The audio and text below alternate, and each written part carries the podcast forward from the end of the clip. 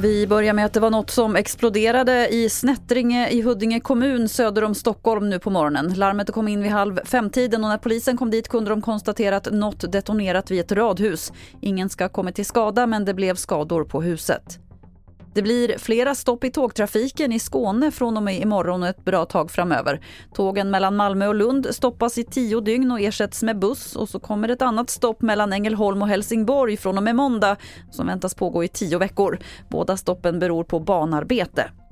Senare under morgonen kommer ett nytt räntebesked från Riksbanken och det mesta lutar mot en ny höjning vilket sätter press på många bolånetagare. Enligt en undersökning som Kantar gjort åt statliga SBAB riskerar det att bli ohållbart för en del. Statligt ägda SBAB har låtit fråga tusen bolånetagare hur en höjning av styrräntan med 0,25 procentenheter skulle påverka deras ekonomi. Allra hårdast påverkas självklart de som har en belåningsgrad på över 50 procent av bostadens värde, där det i vissa fall riskerar att bli ohållbart. Reporter här var Ulla Dané. Och fler nyheter det hittar du på tv4.se. Jag heter Lotta Wall.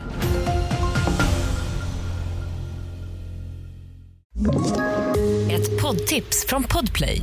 I fallen jag aldrig glömmer djupdyker Hasse Aro i arbetet bakom några av Sveriges mest uppseendeväckande brottsutredningar går vi in med hemlig telefonavlyssning och, och då upplever vi att vi får en total förändring av hans beteende. Vad är det som händer nu? Vem är det som läcker?